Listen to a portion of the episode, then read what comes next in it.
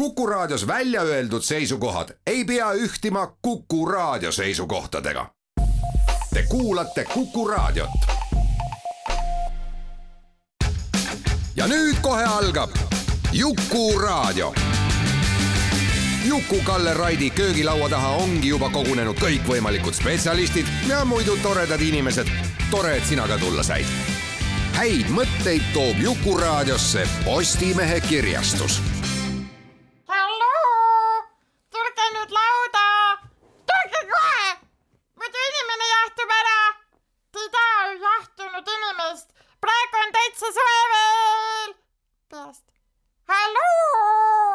tere, hea Jukuraadio kuulaja. neljasaja kahekümne teine köögilaud näitab meile matemaatika ja nagu, nagu te kuulete, taamal kostvast kaagutamisest äh, on selgelt näha, et kellelgi on muna.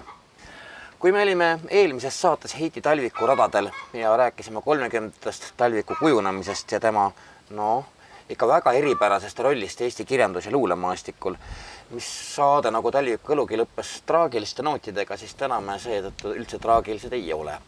kuna suvi on tagasi, siis on köögilaud kolinud, muutunud terrassilauaks ja ei ole sugugi mitte Tallinnas, vaid hoopis ühes teises kohas.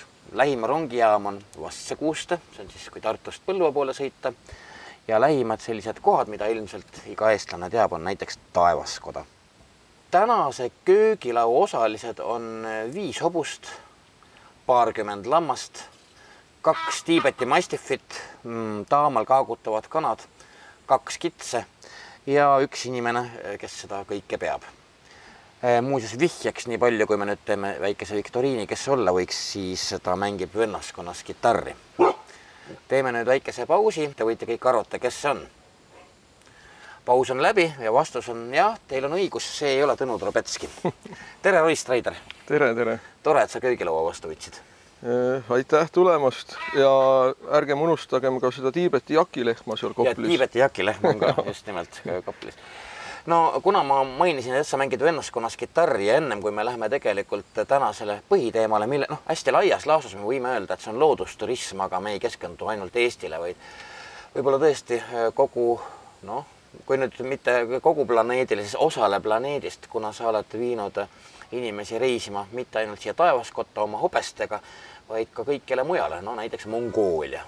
ja on ette tulnud palju kordi. just nimelt, et eh, aga kõigepealt me räägime ära selle loo, noh, mida mina nüüd tean, eks ole ju hästi, aga võib-olla kõik ei tea, kuidas sa vennaskonda mängima sattusid. selline, see on lihtsalt väga lõbus lugu lihtsalt sissejuhatuseks.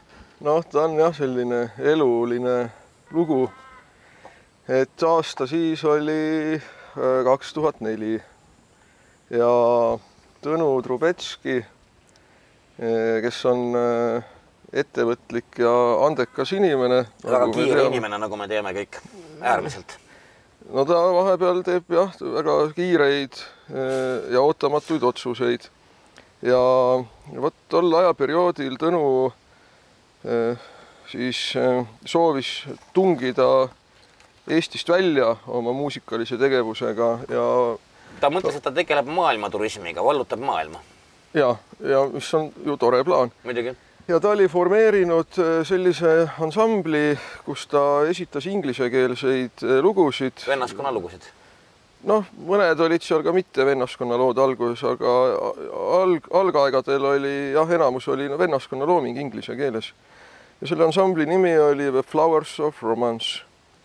ja Tõnu oli Euroopa turnee korraldanud sellele ansamblile ja seal oli siis selline olukord tekkinud, et oli vaja kedagi kiiresti, kes tuleks moosekandina kaasa ja mängiks basskitarri. ja kuna me olime Tõnuga juba varasemast originaalbassist ei viitsinud siis järelikult jah? võib-olla ei saanud lihtsalt. või ei saanud jah? ja, ja me olime varasemast ajast tuttavad ja sõbrustasime ja siis Tõnu pöörduski minu poole ettepanekuga, et kas ma oleksin huvitatud turneel osalemisest moosekandina ja õpiksin need lood selgeks ja ja teeksime siis Euroopas sellist mõnusat äraolemist endale. ja ma mõtlesin selle plaani üle ja otsustasin, et noh, miks mitte, et tundus väga tore ja huvitav. õppisingi need lood siis enam-vähem selgeks ja sõitsime, esinesime Riias ja Varssavis ja Berliinis ja ja minu meelest me pidime vist isegi Pariisi minema tookord, aga mingitel asjaoludel, mida ma enam ei mäleta, jäi see Pariisi asi vist ära. no igal juhul oli õige mitmeid kontserte, noh, sellistes metropolides nii-öelda.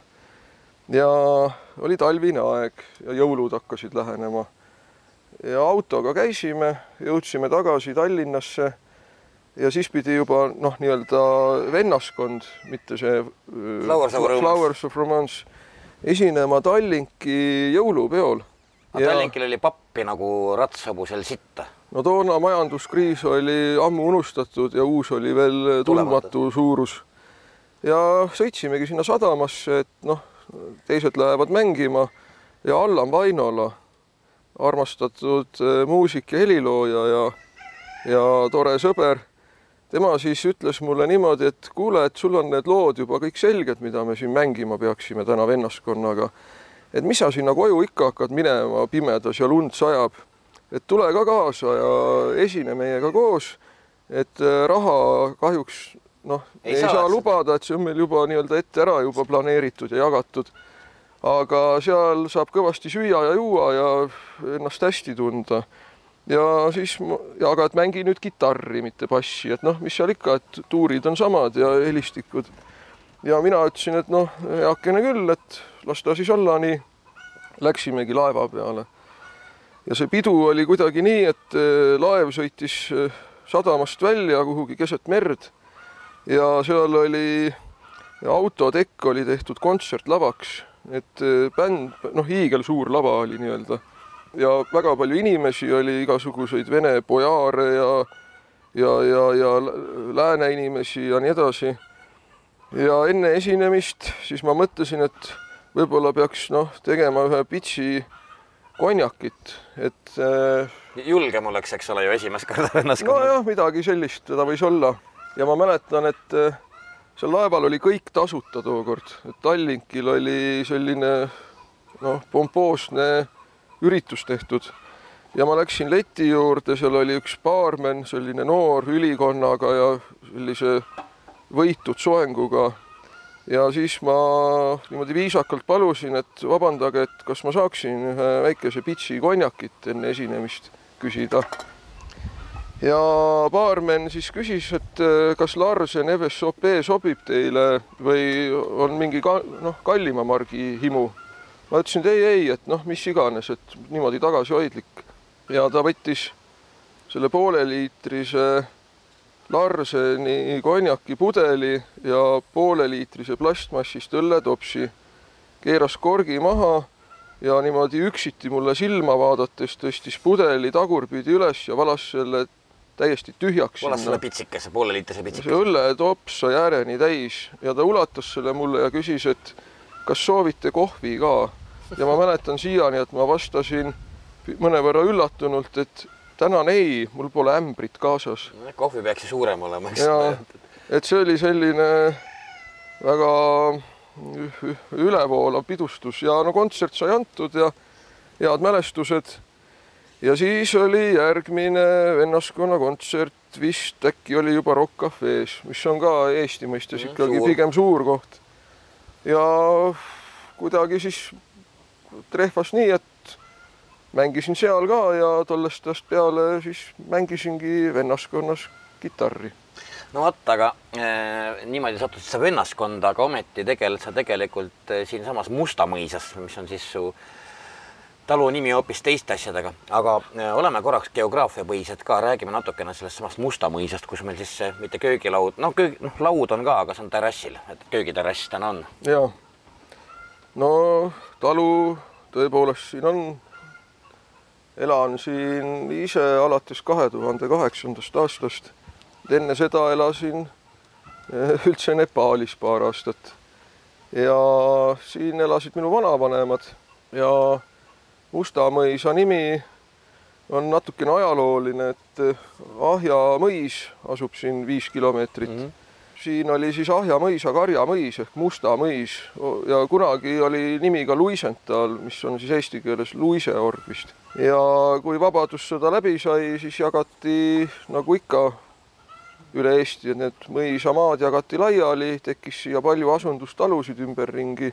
minu vanavanemad siis peale teist maailmasõda sattusid siia elama. ja, ja, ja elasid siin elu lõpuni. Vahepeal oli see koht tühi, rüüstati kõik ära, kuna on teeäärne kant ja olid siis üheksakümnendad aastad, et kõik see oli niisugune, ütleme pehmelt öeldes julge aeg ka.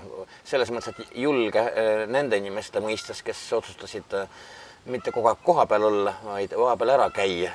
sest see nõudis tõesti julgust, ega rüüstatigi igal ja. pool. aga kaks tuhat kaheksa ma kolisin siia elama. Siis oli siin noh, ühtegi tervet akent ei olnud katused olid ära varastatud, ahjud, pliidid, noh, elektrikaablid, kõik, mida andis võtta. ja võsa oli kasvanud hoovi peale. alguses ma elasingi suvi otsa telgis siin ja noh, korrastasin ümbrust. ja siis hakkasin endale siin hurtsikut ehitama, renoveerima ja ja, ja kaks tuhat üheksa kevadel oli ta naabrimehe abiga siin enam-vähem juba elu, elukõlbulik. ühe öö magasin Eh, enda hurtsikus ja siis sõitsin Mongooliasse pooleteiseks kuuks.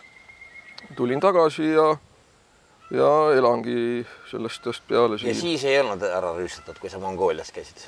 ei olnud jah, et siin olid ühed, eh, üks noor paar elas siis nii-öelda nagu asendas mind, et mul oli koer, Dobermann oli toona juba ja noh, keegi pidi koera järgi valvama, kass oli ka vist juba jah aga hobuseid muidugi ei olnud teps mitte. vot üks põhjus mm,, miks äh, Jukuraadio köögilaud siia sõitis, on see, et, et ja tõepoolest ma arvan, et see on märkimisväärne ja tõenäoliselt ka meie köögilaudnikele põnev e, sa, sul õnnestus sellesama taluga, kus sa teed siis hobusõite, eks ole, ja noh, taevaskoja ekskursiooni, no Viimse reliikvia rajad ja kõik noh, küllap, küllap me sinna Viimse reliikviani veel jõuame. Sa said äärmiselt äh, peene ähm, rahvusvahelise auhinna, see on nii peen, et näiteks ma ei ole suutnud siiamaani seda nime ära õppida, nii et palun väga.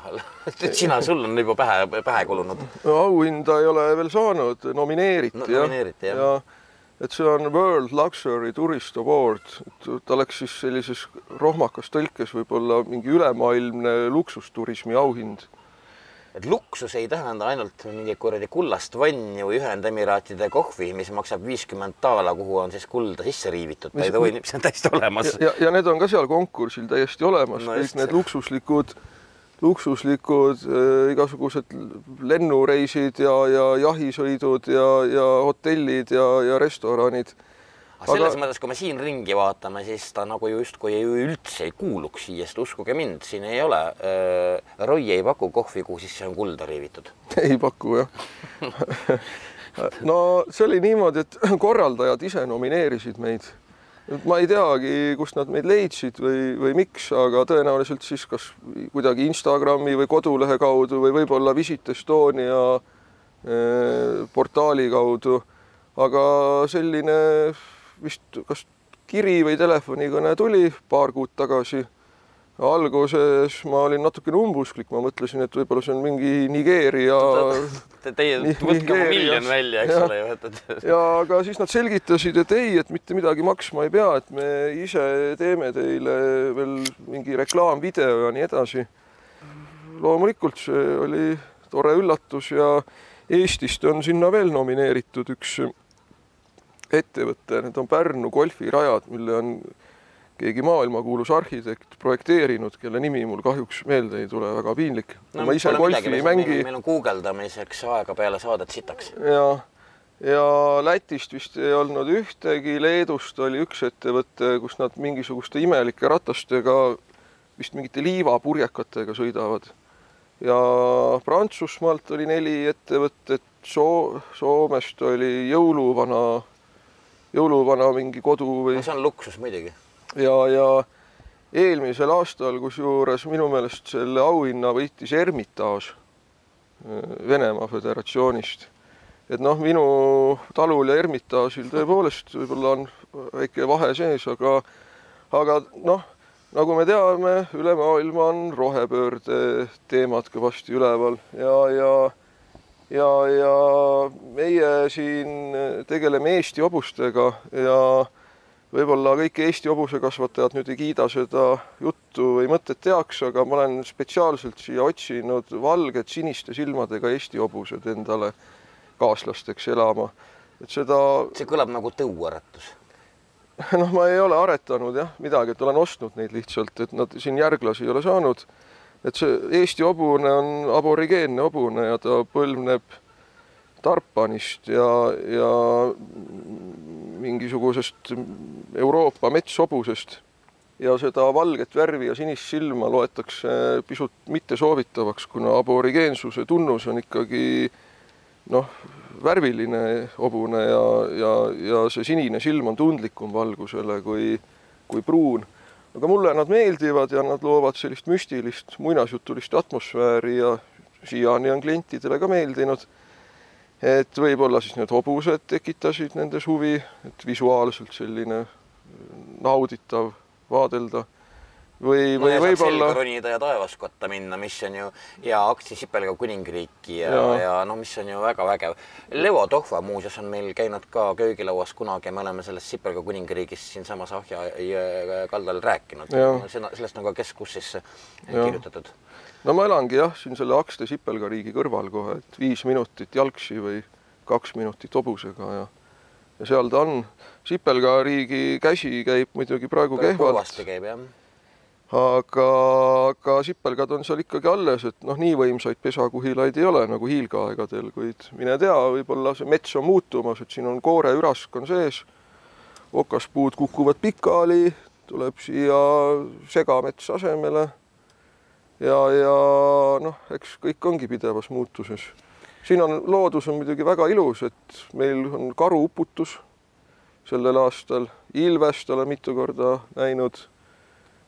Šaakalid kolisid siia umbes kümme aastat tagasi, siis tuli rohkem hunte, tõrjusid šaakalid välja. no sul on Kopli ümber ikkagi, ma nägin kuivpeldikus pulti, kus saab kanaleid vahetada. kümme tuhat volti, kaheksa tuhat volti, kuus tuhat volti, selle asja nimi on elektrikarjus. ja no see on jah huntide jaoks, mitte, mitte et hobused välja ei pääseks, vaid hundid sisse ei pääseks. see ongi ametlikult kutsutakse hundi, hundiaed või ta on suurkiskja ennetamise meetme alla läheb, et kui on vähemalt viieliiniline elektrikarjus, kahekümne sentimeetriste vahedega liinid, et siis selle rajamise maksab tegelikult Eesti Vabariik pool, poolenisti kinni, et kahjusid ära aidata hoida eks temast on abi, et aga no okei okay,, fine, me tuleme ikkagi korraks nüüd siin selle Viimse reliikvia radadele. asi on selles, et ma arvan, et peale minu ei ole Eestis ühtegi inimest, kes eh, ei oleks seda filmi näinud. ma tõesti, ma ei tea, mis, mis jama sellega on, ma ei ole seda filmi mitte kunagi otsast lõpuni läbi vaadanud.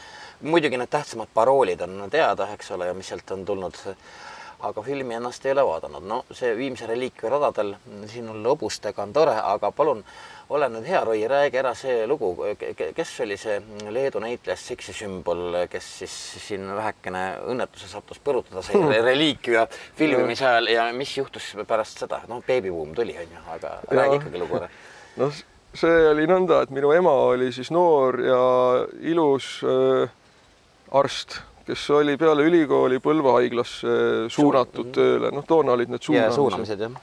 Ja huvitav on see, et noh, toona siis Põlvamaal toimusid Viimsi reliikvia võtted ja teda ka peatati tänaval ja kutsuti sinna osalema Nunnaks. nunnaks ja aga noh, ema oli maatüdruk ja väga sellise noh, konservatiivse kasvatusega, et ja ta häbenes minna filmi osalema ja noh. ütles ära. nojah, mine tea, mis seal veel pärast on ja aga noh, arst ta ikkagi oli ja on siiamaani kusjuures, et ta nüüd just sai kaheksakümne kolme aastaseks, aastaseks ja töötab ikka närviarstina, kuna arste napib ja, ja see on tema selline passioon või, või, või kirg, et, et aidata teisi ja ravida. aga toona siis olid need filmivõtted ja noh, filmis ju kõik ilmselt teavad peale sinu kuidas seal Otteni vesiveski juures niinimetatud Siimu sillal siis Siimu kehastav näitleja tõstis üles suure palgi, kangutas välja, tulid siis pahalaste hobused ja, ja üks nendest takerdus sinna palgi ette ja varises või, või kukkus sillalt vette hirmsa mürtsuga. ja selle hobusega kappaski siis toonane tõesti Nõukogude Liidu selline seksisümbol, võiks öelda, et Nõukogude- väga Nõukogude ihaldatud ja ihaldatud meesnäitleja leedukas Budraitis, kes oli ise selline sportlik machomees ja vehkles ja, ja tegi judot ja tema ei kasutanud kaskadööre ega dublante, siis ta ratsutas ise, juhtus õnnetus, ta kukkus sinna jõkke, Ahja jõkke ja see hobune oli mära, kes oli tiine. ja noh, mõlemad said siis pisut põrutada, oli õnnelik õnnetus.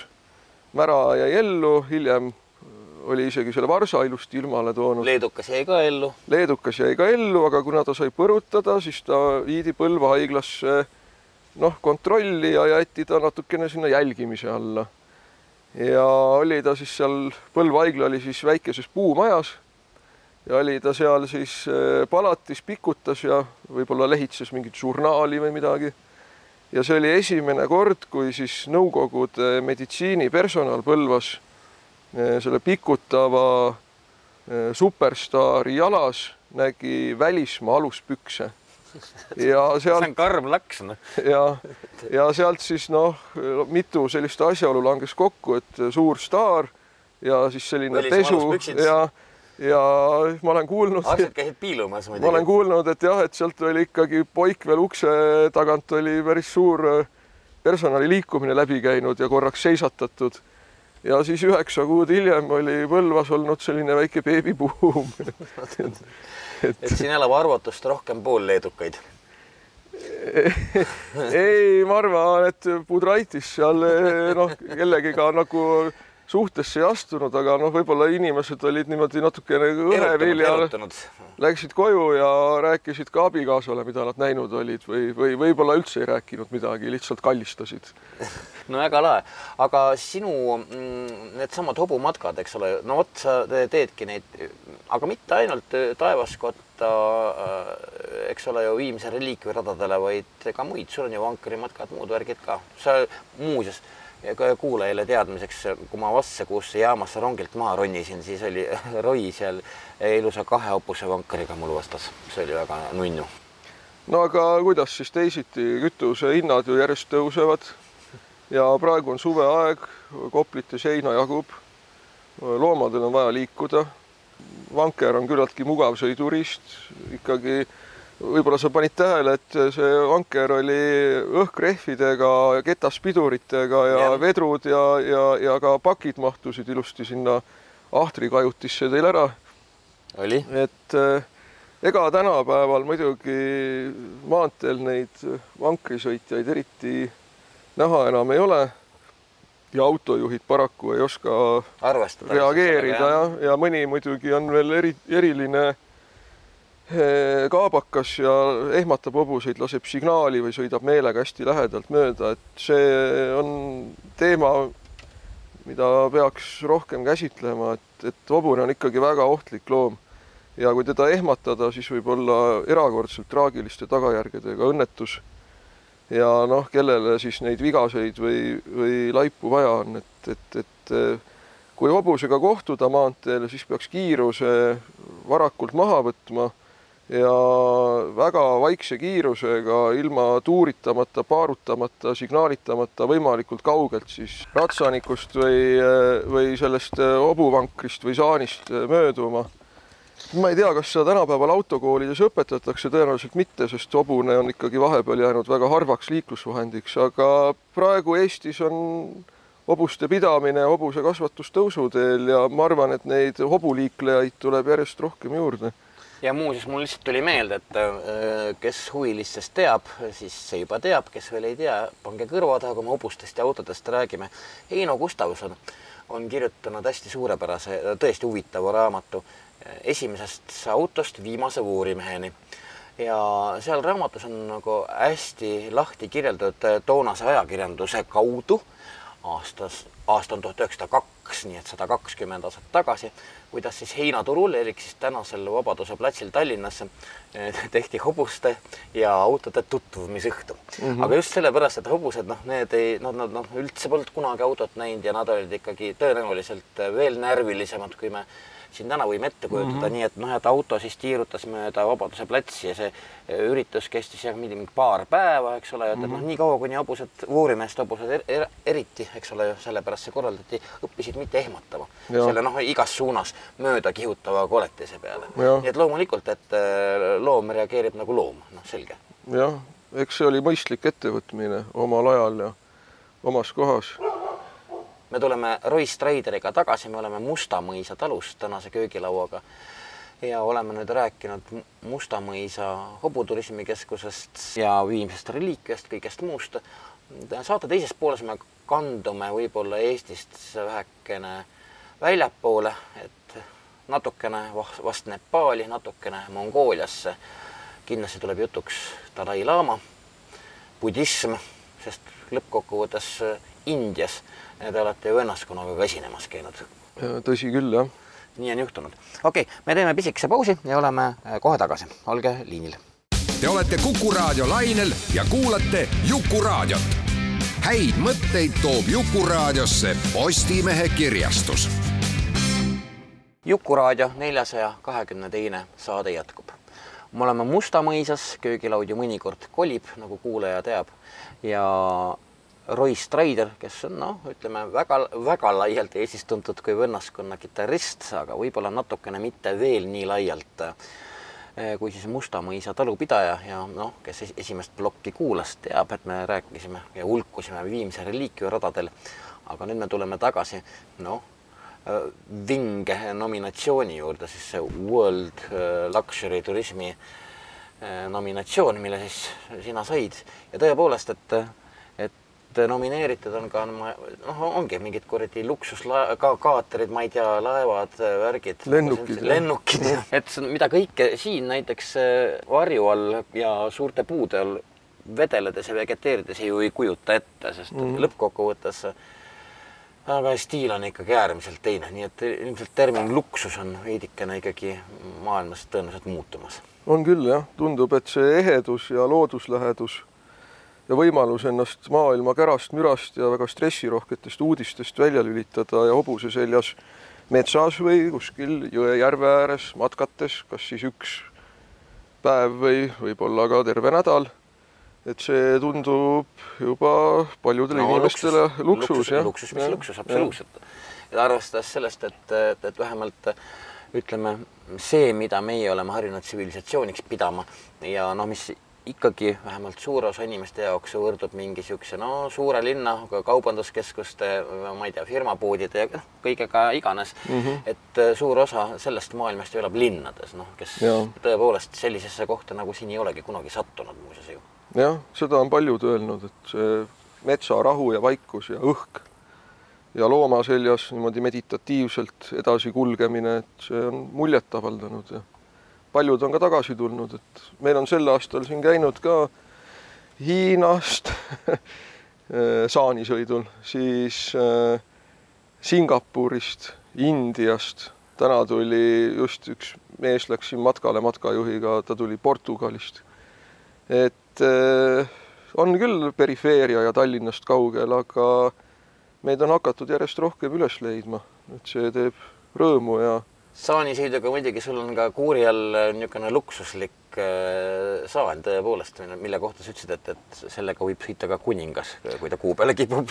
selle jah, soetasime vist kas eelmise aasta lõpus või selle aasta alguses, no igal juhul oli see saanisõidu hooaeg ja lund oli siin palju. ja ta on olnud kunagi mingi Saksamaa vürstisaan, et seal on kuldsed fööniksi pead on ees, mis näitab staatust no, või kuuluvust ja on antiikne selline mustast metallist muinasjutusaan, punased luksuslikud sametistmed on seal ja ja, ja sinna mahub siis neli-viis inimest ilusti sõitma. ja, ja, ja ma arvan, et Eestis selliseid saane väga palju ei ole e, eelmise ploki lõpus me jõudsime korraks Indiasse e, ja kuna me juba hakkasime rääkima, et vennaskonnaga äh, te olete Indias käinud esinemas, siis räägime selle loo ära. oh, see oli kahe tuhande kaheksandal aastal ja ma olin ise siis Katmandus, aga äh, käisin Taramsalas, äh, kuna tegelesin intensiivselt budismi õpingutega ja käisingi siis tookord tema pühaduse Dalai-laama kloostris midagi seal tegemas või õppimas. Ja siis oli see aasta, kus toimusid, hakkasid toimuma Pekingi olümpiamängud. tiibetlased teatavasti on okupeeritud Puna-Hiina võimude poolt juba pikemat aega, väga traagiline saatus. Ja suur pagulas-Tiibeti kogukond elabki just nimelt Indias. Ja tiibetlased otsustasid siis korraldada protestiks sellise kultuuri ja, ja rõhumise vastu, otsustasid korraldada oma Tiibeti olümpiamängud Taramsalas. ja ta oli jah, selline kultuuri, protesti ja poliitiline üritus. ja üks minu tuttav korraldas seda, tema nimi on Lobsang Vangyal. ta on ka korraldanud seal muusikafestivale ja Miss Tiibeti valimisi pikki aastaid ja ta on selline värvikas ja andekas poiss. Praegu ta elab üldse Ameerika Ühendriikides vist kuskil San Francisco kandis.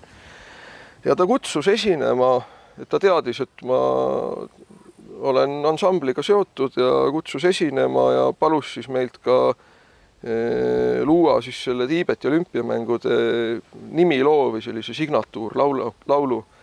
see sai ka tehtud koos videoga, Leeni linna tegi toreda video sinna nägi palju vaeva ja ühel ilusal päeval tänu siis Eesti Vabariigi Kultuuriministeeriumi toetusele, et vabariigist reservfondist tookord eraldati lennupiletite raha meile, kuna tiibetlastel ei, nad ei suple, eks ole. no nad ei suple absoluutselt, et.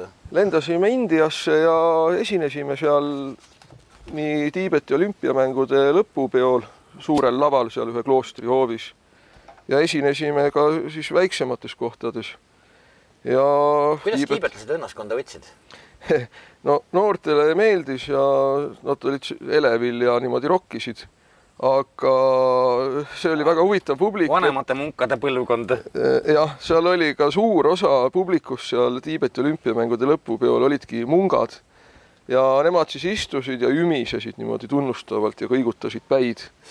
Et.... no nende rokkimisstiil nojah, aga võeti positiivselt vastu ja tore käik oli. et, et siiamaani meenutan nagu meeldivate mälestustega. ja, ja, ja, ja kutsuti hiljem veel, aga ei ole, ei ole siiani, ei ole asjaolud niimoodi kokku langenud. võib-olla kui no proovime, proovime. võib-olla kui näiteks leiab aset eh, tulevikus Eesti Riigikogu jälle taaskordne ametlik visiit Taramsalasse, Tiibeti eksiilvalitsuse ja Dalai-laama juurde. no mine tea, äkki õnnestub näiteks kaasa sõita ja taaskord rõõmustada siis sealtkandi rahvast. võib ju tekitada traditsiooni, Eestis on veel äh, bände, mida seostada sõnaga punk päris lahe oleks, no näiteks nüüd JMK on ju või noh. Kuker, kukerpillid olid omal ajal käinud Indias esinemas mm. ja neil oli ka seal hästi läinud mm. -hmm ja ma tean veel ansambleid, kes on käinud, et mulle on nendest räägitud, et mõned Eesti ansamblid on veel käinud, et minu meelest eh, Allan Vainola eh, noh, Allan on väga andekas poiss ja ta on paljudes ansamblites eh, tegus ja, ja. ja, ja ühe tema ansambli vist Unenäo püüdjad, jah, tema ansambli kaaslased sealt olid ka käinud Indias esinemas. et vaatad küll, et täitsa teine kultuur, aga noh, muusika on universaalne muusika on ikka uni ja universaalne meil..., igasugune kunst on küllaltki universaalne. meil ju käib indie artiste, et mm -hmm. miks siis mitte ka vastupidi. muuseas, ma tuletan äh, köögilaua kuulajale meelde, et, et umbes kolm, võib-olla ka neli aastat tagasi, pagan seda teab äh,, äh, oled sa tegelikult ka siin Juku raadios käinud, tõsi küll, see oli Kuku klubis ja siis oligi meil teemaks Tiibet. ja, ja et siis oli nõnda, et üks minu noh, võiks isegi öelda sõber, kes on ka siinsamas Mustamõisas käinud tegelikult ja ja, ja siin toredat aega veetnud ja ööbinud. Tiibeti eksiilparlamendi liige Lama Tupten Wangchen, et tema oli Euroopa ringsõidul ja siis ta tema käis, oli meil ka raadios. oli raadios, käis Riigikogus, käis seal, andis Astrid Kannelile andis eh, toona intervjuu ja ja siis me olime küll jah, sinu saates aga tuleme nüüd korraks selle Tiibeti ja Dalai-laama juurde tagasi. no see on nüüd mm, fakt, et seda on Dalai-laama ise mulle ka öelnud, et, et ta äh, mingit iseäralikku seost Eesti või, või võib-olla isegi selle suhtumisega, mis eestlastel on Tiibetisse. et ta on seda üsna erandlikuks pidanud maailmas. noh, võib-olla see on loogiline, eks ju, no suruti seal äh, paratamatult olnud ja olevad väikerahvad. jah, et on küll ühiseid jooni, et mõlemal rahval on selline suur naaber, kes võib-olla ei käitu alati korrektselt. no ütlesid väga pehmelt, väga ja, pehmelt. ja no ma üritan diplomaatiline olla. ja, ja, ja, ja, ja mõlemal rahval on jah, traagiline ajalugu ja selline katkestuste kultuur olnud. Tiibeti kultuur on eh, kestnud äh, stabiilsemalt kui Eesti kultuur, et võib-olla tänu siis religiooni suurele rollile, et see Tiibeti budism on maastik olnud... on ka selline, mis on seda ikkagi lubanud, vabandage väga, et, et ja. lõppkokkuvõttes sinna ei ole väga kerge ligi pääseda, mõtleme suure naabri seisukohast. jah, ja on ka jätkub Eestist rohkem, nagu tänapäeval öeldakse, strateegilist sügavust. aga sarnasusi on ja tema pühadusel on tõepoolest Eesti südames, kui viimati mina kohtusin tema pühadus Dalai-laamaga, see oli mõned aastad tagasi Riias, siis ma kinkisin talle T-särgi, kuhu, kus on siis Eesti lipp ja papp ja Estonia kirjutatud peale, sinise nokamütsi, mille peal oli kirjutatud Estonia ja siis Eesti Vabariigi, meil on sellised suveniirpassid olemas yeah., mida saab, ma täitsin selle ära ja panin tema foto ka sinna sisse ja ta oli väga õnnelik selle üle, tegime koos piltigi, et tal oli see Eesti nokamüts peas jube lahe pilt on, kusjuures. See on kusagil interneti avaruses täitsa olemas minu meelest, sest et, et, et mina seal kohal ei olnud, aga ja, kusagilt ma seda pilti nägin. see on mul siiamaani nutitelefoni see ekraani taustapilt. Et õnnelike nägudega sellised inimesed ja e-, Eesti värk, nagu öeldakse, ja siis tookord tema pühadus ütles, et kui midagi peaks juhtuma ja ta enam Indias elada ei saa, siis esimene valik, kuhu ta sooviks kolida, ongi Eesti. ja seda oli erakordselt armas ja südantsoojendav kuulata meil oli ju see värk ka, et Dalai-laama on õige mitmel korral, kolma, kolmel, eks ole käinud Eestis. ja, ja üks neist, kui oli Toomas Hendrik Ilvesel president, ma mäletan alati, et Hiina on ju hirmus valulikult reageerinud. no ikka no,, ikka. ikka noh, ikkagi noh, väga valulikult. No see on umbes nii, nagu Venemaa on reageerinud äh, Fenno-Ugria asutusele, kusjuures noh, täiesti tõsimeeli ajades niisugust putru oma siis äh, riigi sisemeedias nagu soome-ugrilased valmistuks äh, Vene võimu kukutama mm. -hmm. hallo, sada nelikümmend viis miljonit või sada nelikümmend miljonit venelast versus siis alla miljoni soome-ugrilase kogu selle territooriumi peale, aga palun väga, et igasugune, no igasugune sodi äh, propagandaks ju kõlbub, nagu me teame ja siis ma mäletan ka, kuidas Toomas Hendrik Ilves täiesti juhuslikult, eks ole, nagu me tea, teame, juhuslikult jalutas sellel hetkel, kui Dalai-laama oli mm, Eestis, jalutas juhuslikult äh, mööda pikka jalga, noh, no ikka, no president ju mõnikord käib pika jala kohvikus, eks ole. Mm -hmm., ja täiesti juhuslikult ähm, jalutas pikal jalal ka Dalai-laama ja siis nad täiesti juhuslikult pika jala kohvikus kohtusid. ma rõhutan, täiesti juhuslikult, eks ole. Sellest tuli mingi paks äh, pahandust Hi Hiina poolt? no Hiina luureaparaat on tegus ja seal on ülevalt alla vertikaalne juhtimine ja hiinlaste, ma arvan, et üks nõrkus ongi see, et nad reageerivad pidevalt üle. ja see tuleb tõenäoliselt sellest praeguse hetke Hiina kultuurist, et nende mõtlemine ei sarnane absoluutselt Euroopa vabale mõttele ja see autoritaarne nii-öelda raudne haare, see annab juba ammuilma täiesti vastupidiseid tulemusi sellele, mida nad sooviksid näha. samamoodi nad on ka selle uue siidide projektiga üle pingutanud, sealt on hakanud riigid lahkuma. kultuurilised eri, erisused on nii suured, et nad, nad võiksid olla palju edukamad, kui nad oleksid mõistlikumad ja pehmemad aga, aga, aga fakt on ka see, et hiinlaste huvi ja tähelepanu on väga suur, kuna me oleme nii NATO riik kui Euroopa Liidu riik ja Venemaa piiririik. Nad väga tähelepanelikult jälgivad ja nagu me ka teame nii kapo kui siis Soome julgeolekupolitsei supo aastaraamatutes, siis Hiina luuretegevus on hüppeliselt suurenenud ja ja see on ohtlik ja sellele peab tähelepanu pidevalt pöörama. absoluutselt ja teine asi on see, et ma nüüd ei mäleta, kas see võis olla Läänemets või, või äkki oli Sven Grünberg, üks Märt Läänemets või Grünberg või võib-olla oli ka kadunud Mart Nutt, polegi tähtis, aga me ei saa nagu sekkuda kogu või noh, mitte sekkuda, vaid äh, kuidagi sildistada kogu Hiina ajalugu või kultuuriruumi, aga see on siis ilmselt see hetk, mis praegu toimub, on see, kui kohtuvad niisugune äh, no küllaltki konservatiivne äh, Konfutsiuse õpetus kommunismiga. et see annab nagu just nimelt niisuguse erilise, erilise sigitise.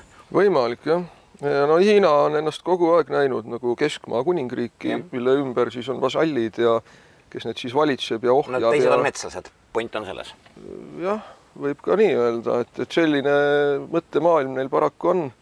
Ja kuna Hiina oli pikalt alla surutud siin vahepeal ja nägi näruseid aegu, siis eks nad üritavad nüüd võimalikult võidukat revanši, aga need vahendid, mida nad valivad, need jah, pigem tekitavad õõvastust ja ja neid on väga raske alla neelata. et praegu ongi maailmas selline huvitav olukord, kus ütleme, see mustvalge pooluste kujunemine on hästi kiireks läinud ja ühel pool on siis Venemaa Föderatsioon koos oma uue kalli sõbra Põhja-Koreaga, Iraan, Süüria, no Hiina on ka seal ikkagi taga võib-olla mõned Aafrika, Ladina-Ameerika riigid ka ja teisel pool vastas on põhimõtteliselt kogu ülejäänud maailm. et äh, kas ja miks selline vastandumine kasulik on, mina ei näe seda kasutegurit nende nii-öelda autoritaarsete riikide jaoks, aga nemad jällegi. toimeloogika on tegelikult teine lihtsalt. Täiesti teine ja sellest on kahju, aga need rasked ajad tuleb üle elada ja kokku hoida aga kandume korraks Mongooliasse. sa oled Mongooliasse, nagu me esimese ploki alguses, noh, enam-vähem sissejuhatuses mainisin, miks ma tahan seal peatuda. sa oled sinna tõepoolest viinud päris arvukalt reisijaid, huvilisi.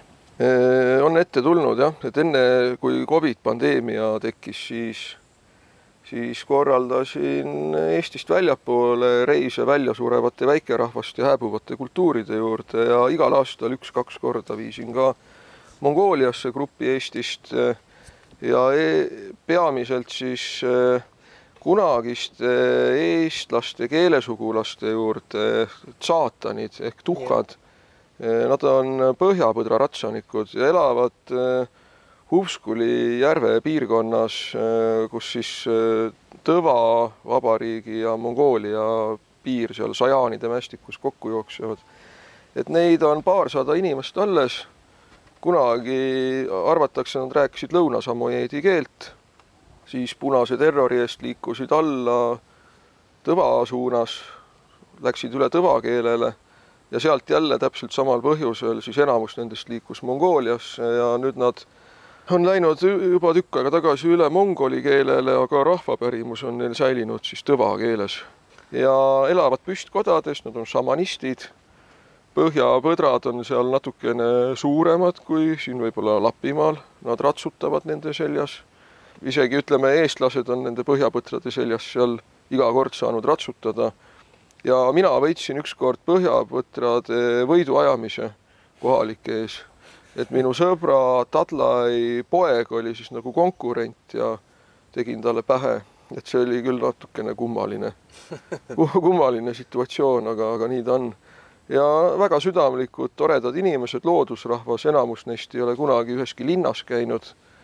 aga nad on mõistlikud ja, ja toredad inimesed ja väärikad inimesed. selle põhjapõdra rahvusega mul lihtsalt meenus, et äh, sedasama põhjapõdra kultuuri jälge, siis tõe, noh, mitte tõenäoliselt, vaid põhinebki neist tunduvalt põhja poolt, olen ma ju kohanud ka Kirgiisias sest et kui meie oleme siin harjunud see, noh, ma ei tea, niisuguse lapse saamise mütoloogia küll, kurat, leitakse laps kapsapesest või toob kurg või mis iganes, siis kirgiisidel muuseas on mütoloogias, et lapsi toob kes? põhjapõder.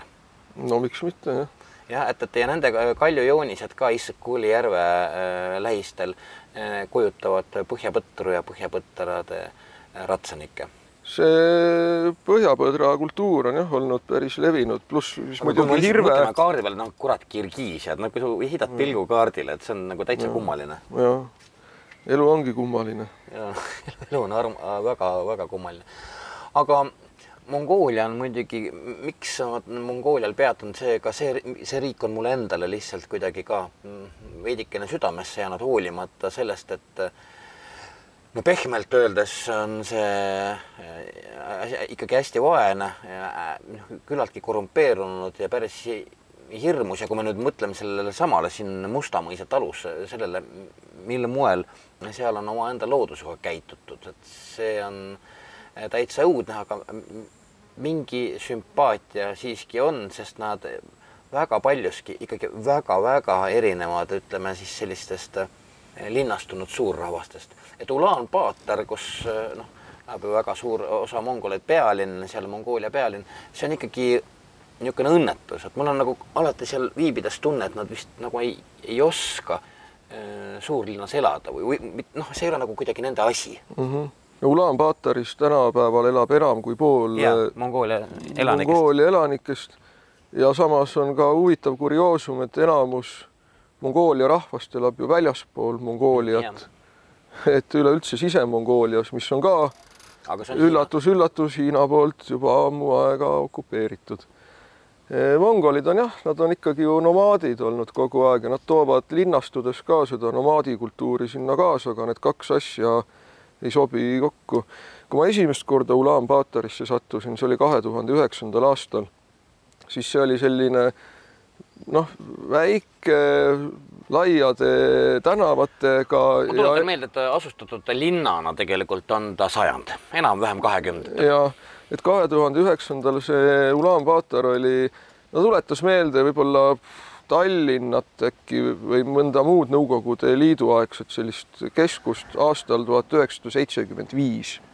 ja seal olid elumajad olid kõik nii-öelda stalinistliku arhitektuuriga ja esimest siis peegelklaasidega pilvelõhkujat või kõrghoonet oli hakatud just ehitama ja nüüd, kui seda juttu rääkida inimestele, siis keegi ei usu, sest ta sarnaneb pigem võib-olla Hongkongile või Singapurile, et ta ongi juba täis ehitatud täielikult, liiklus on meeletu, ummikud on tohutud, eh, saaste on selline, et eh, väikelaste suremus on seal ikkagi noh, kahetsusväärselt kõrge ja enamus siis suremuse põhjusest ongi mürgitatud õhk. aga stress ka, sellepärast lõppkokkuvõttes mongolite sajandite pikkuse eluviisiga see linnastik ikkagi ei sobi ja seda enam veel, et Ulaan-Baataris on eriti näha, kui drastiliselt äh, rikas ja vaene võib, eks ole ju, Mongoolia korraga olla, et noh, ma lihtsalt äh, külastasin Ulaan-Baataris olles äh, inimesi, kes elavad kanalisatsioonis. elavadki. on sellised olemas, aga mina arvan, et enamus linnastumisest tuleb televiisoritest, sest et eh, umbes kümme-viisteist aastat tagasi hakkasid eh, kerride või nii-öelda siis venepäraselt jurtade noh, tüüpiliste mongolite selliste viltelamute, kergete viltelamute sees hakkasid levima televiisorid, auto aku, päikesepaneel, satelliidi taldrik ja televiisor. seega eksimatult kuulub Mongoolia pildi juurde, et ta on kusagil tühermaal, kus kolmesaja kildi juures ei ole mitte midagi, on satipann ja, ja kõik nad istuvad ja vahivad telekat seal keeris.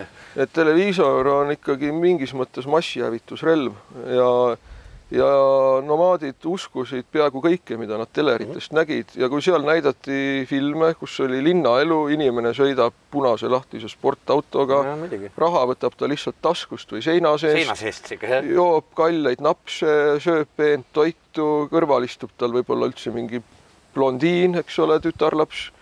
Ja, ja no kes siis ei tahaks sellist elu, et kus on kõik väga hõlbus ja mugav ja tuleb ise kätte, aga aga, aga nii ta on, Bhutani kuningriik tuleb meelde selle teleri jutu peale, ka budistlik väike kuningriik, umbes Saaremaa suuruse territooriumiga eh, Himalaia mäestikus.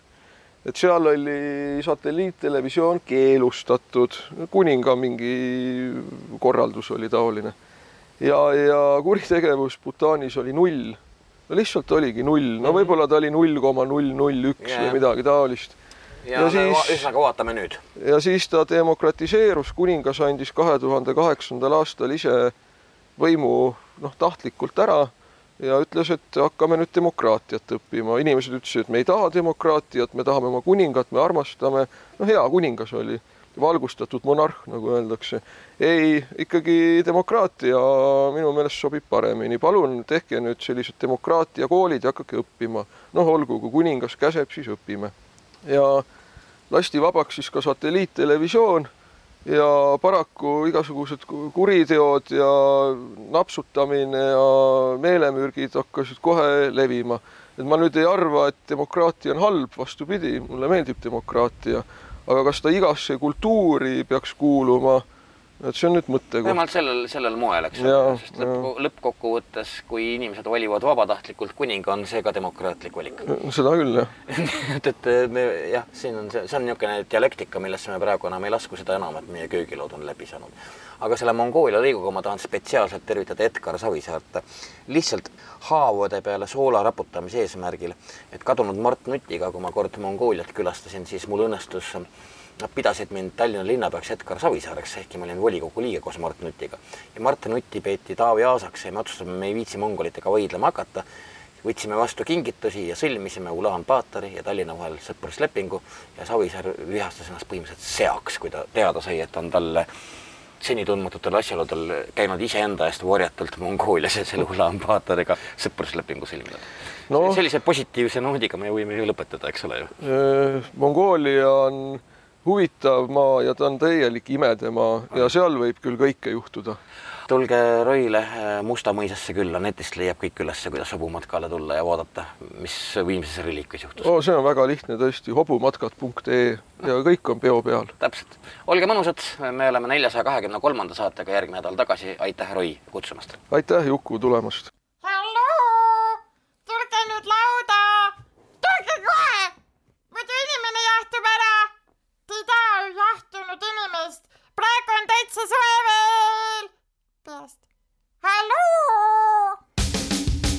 häid mõtteid toob Jukuraadiosse Postimehe kirjastus